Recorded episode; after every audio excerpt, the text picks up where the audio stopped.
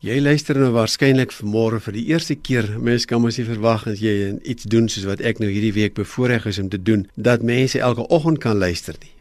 Maar dalk is daar iemand wat gister en maandagooggend kon luister.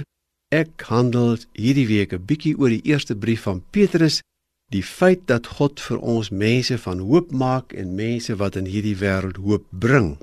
Nou ek gaan vanoggend met jou begin lees. Ek wens ek kon die tyd het my toegelaat uit 1 Petrus 1 vers 13. En ek gaan vanaand weer hieroor praat en môreoggend nog weer een keer want Petrus gebruik baie verse om ons te herinner dat wie ons is en hoe ons dink, laat ons lewe soos mense wat dit van God verwag. Die volgende klompie verse, hoofstuk 1 vers 13 is 'n opeenstapeling van herinnerings aan hoe God oor ons dink en hoe hy wil hê dat ons oor onsself dink. En die eerste ding wat hy nou vir hulle sê is dat jy moet ook anders begine dink. Ek gaan tog wel hoofstuk 1 vers 13 lees.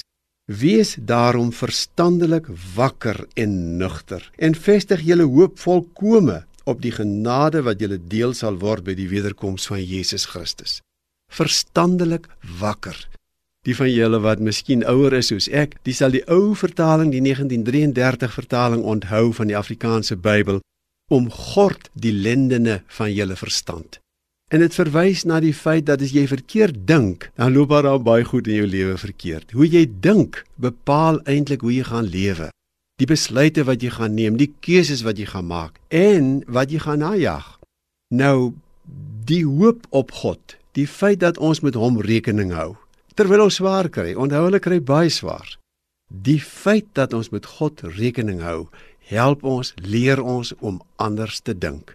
Dit leer ons om hierdie klomp verkeerde gedagtes waarmee ons ons dae begin en ons dae deurbring, om dit as dit ware op te knoop, op te bind soos daai lang kleed van die oosterse mense, want jy kan nie met daai kleed hardloop nie gaan val. Jy gaan met baie gedagtes ook val.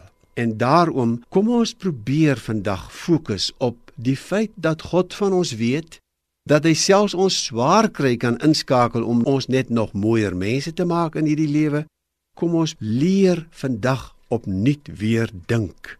Wees dan verstandelik wakker en nugter en vestig julle hoop op God. Mag jou dag 'n mooi dag wees vol nuwe gedagtes.